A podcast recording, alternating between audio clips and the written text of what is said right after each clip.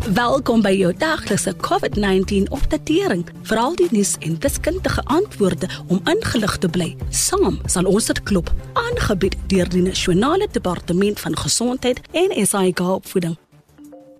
Woensdag was die hele land geskok toe ons 572 COVID-verwante sterfgevalle op 'n enkele dag aangeteken het. Dit was Suid-Afrika se hoogste daaglikse sterftesyfer nog sedert die begin van die pandemie en ons harte gaan uit na die geliefdes van die wat omgekom het.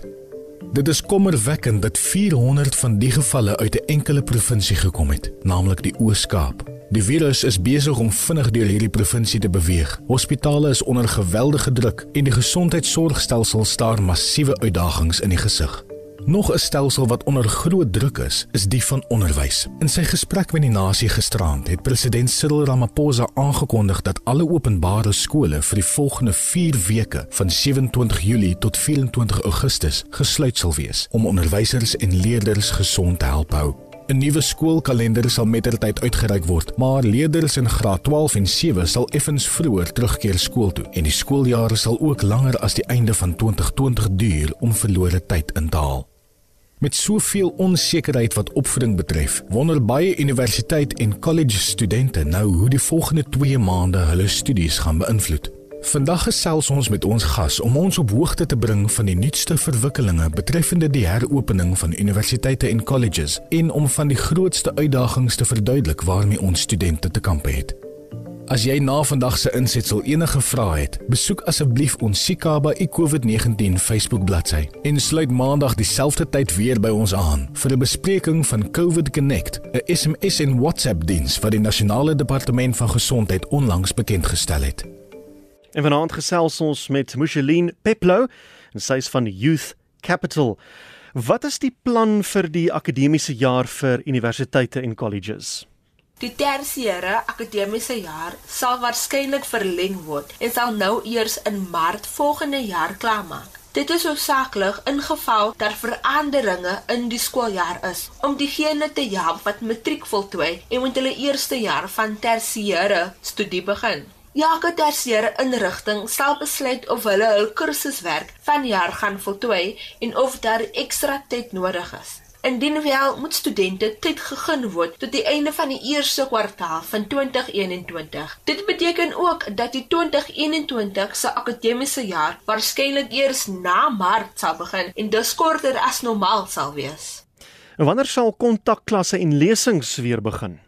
Finale jaar mediese studente het ingevolge die vlak 4 regulasies na hulle studies teruggekeer en sedert middel Junie het ander studente in fases teruggekeer. Volgens die inperkingsvlak op vlak 3 is ongeveer 1 uit 3 33% studente terug op kampus. Op vlak 2 sal dit ongeveer 2 uit 3 66% wees en op vlak 1 sal ons na normaal geskeduleerde klasse terugkeer. Die eerste prioriteit word gegee aan studente in die gesondheidswetenskappe en diegene wat spesifieke infrastruktuur soos laboratoriums nodig het om hulle kursusse te voltooi. Maar instellings het ook 'n mate van seggenskap oor watter ander kategorie studente mag terugkeer.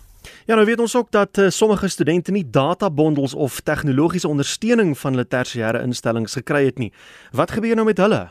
Baie instansies het selfoonverskaffers gevra om studente met gratis databondels te help en baie studente het dit ontvang. Maria, 'n aantal studente, veral die in 'n privaat instellings, kon nie databondels kry nie, wat dit vir hulle uiters moeilik gemaak het om te leer en toegang tot aanlyn biblioteekhulpbronne te kry.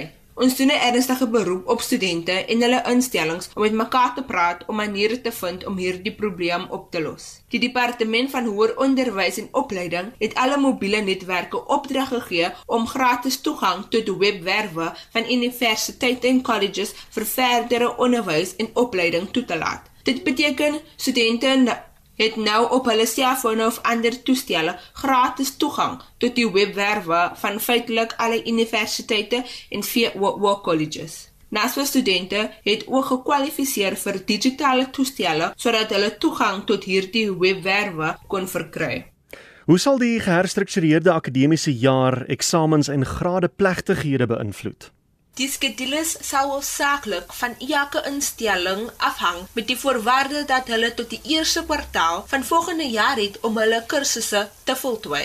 Talle instellings kon hulle eksamenstrategie verander deur aanlyn of ander forme van evaluering te gebruik. Waar dit absoluut noodsaaklik is dat studente persoonlik eksamens moet aflê, word daar behoorlike voorsorgmateriaal getref. Indien jy gekwalifiseer het, sal jy jou graad of diploma sertifikaat ontvang, maar voorlopig sal gradepligtighede waarskynlik in die vorm van virtuele of aanlyn geleenthede plaasvind. In sommige gevalle is pligtighede heeltemal gekanselleer. Ons weet dat gradeplegtighede belangrike persoonlike geleenthede is en daar was samesprekings oor die moontlikheid om in die toekoms formele seremonies te hou vir diegene wat dit misgeloop het. Dit sal waarskynlik wees wanneer vlak 1 aangekondig word. En nou dat die jaar verleng is, wat gebeur met studente wat deur NSFAS befonds word? NASA's probeer ekstra fondse vir die verlengde akademiese jaar bekom en na ramming sal hulle ongeveer 4.3 miljard rand benodig om VWO sowel as universiteitsstudente te dek. Hulle hoop dat die korter akademiese jaar wat vir 2021 beplan word, sal vergoed vir die ekstra fondse wat vir 2020 benodig word. NSFAS het 'n virtuele kontaksentrum om studente te help via Facebook, Twitter, Instagram en NSFAS Connect. Soek vir by NSFAS op hierdie platforms om hulle te vind. Onthou om met jou instansie en jou kursus administreer kontak te hou sodat jy weet wat met jou kursusse en studies gebeur. En dit was Micheline Peplo van Youth Capital. Dankie dat jy geluister het na jou daglikse COVID-19 inligtingstuk aangebied deur die Nasionale Departement van Gesondheid en SAIK Opvoeding in samewerking met die Solidariteitsfonds. Wees veilig, bly gesond. Saam sal ons dit klop, Suid-Afrika.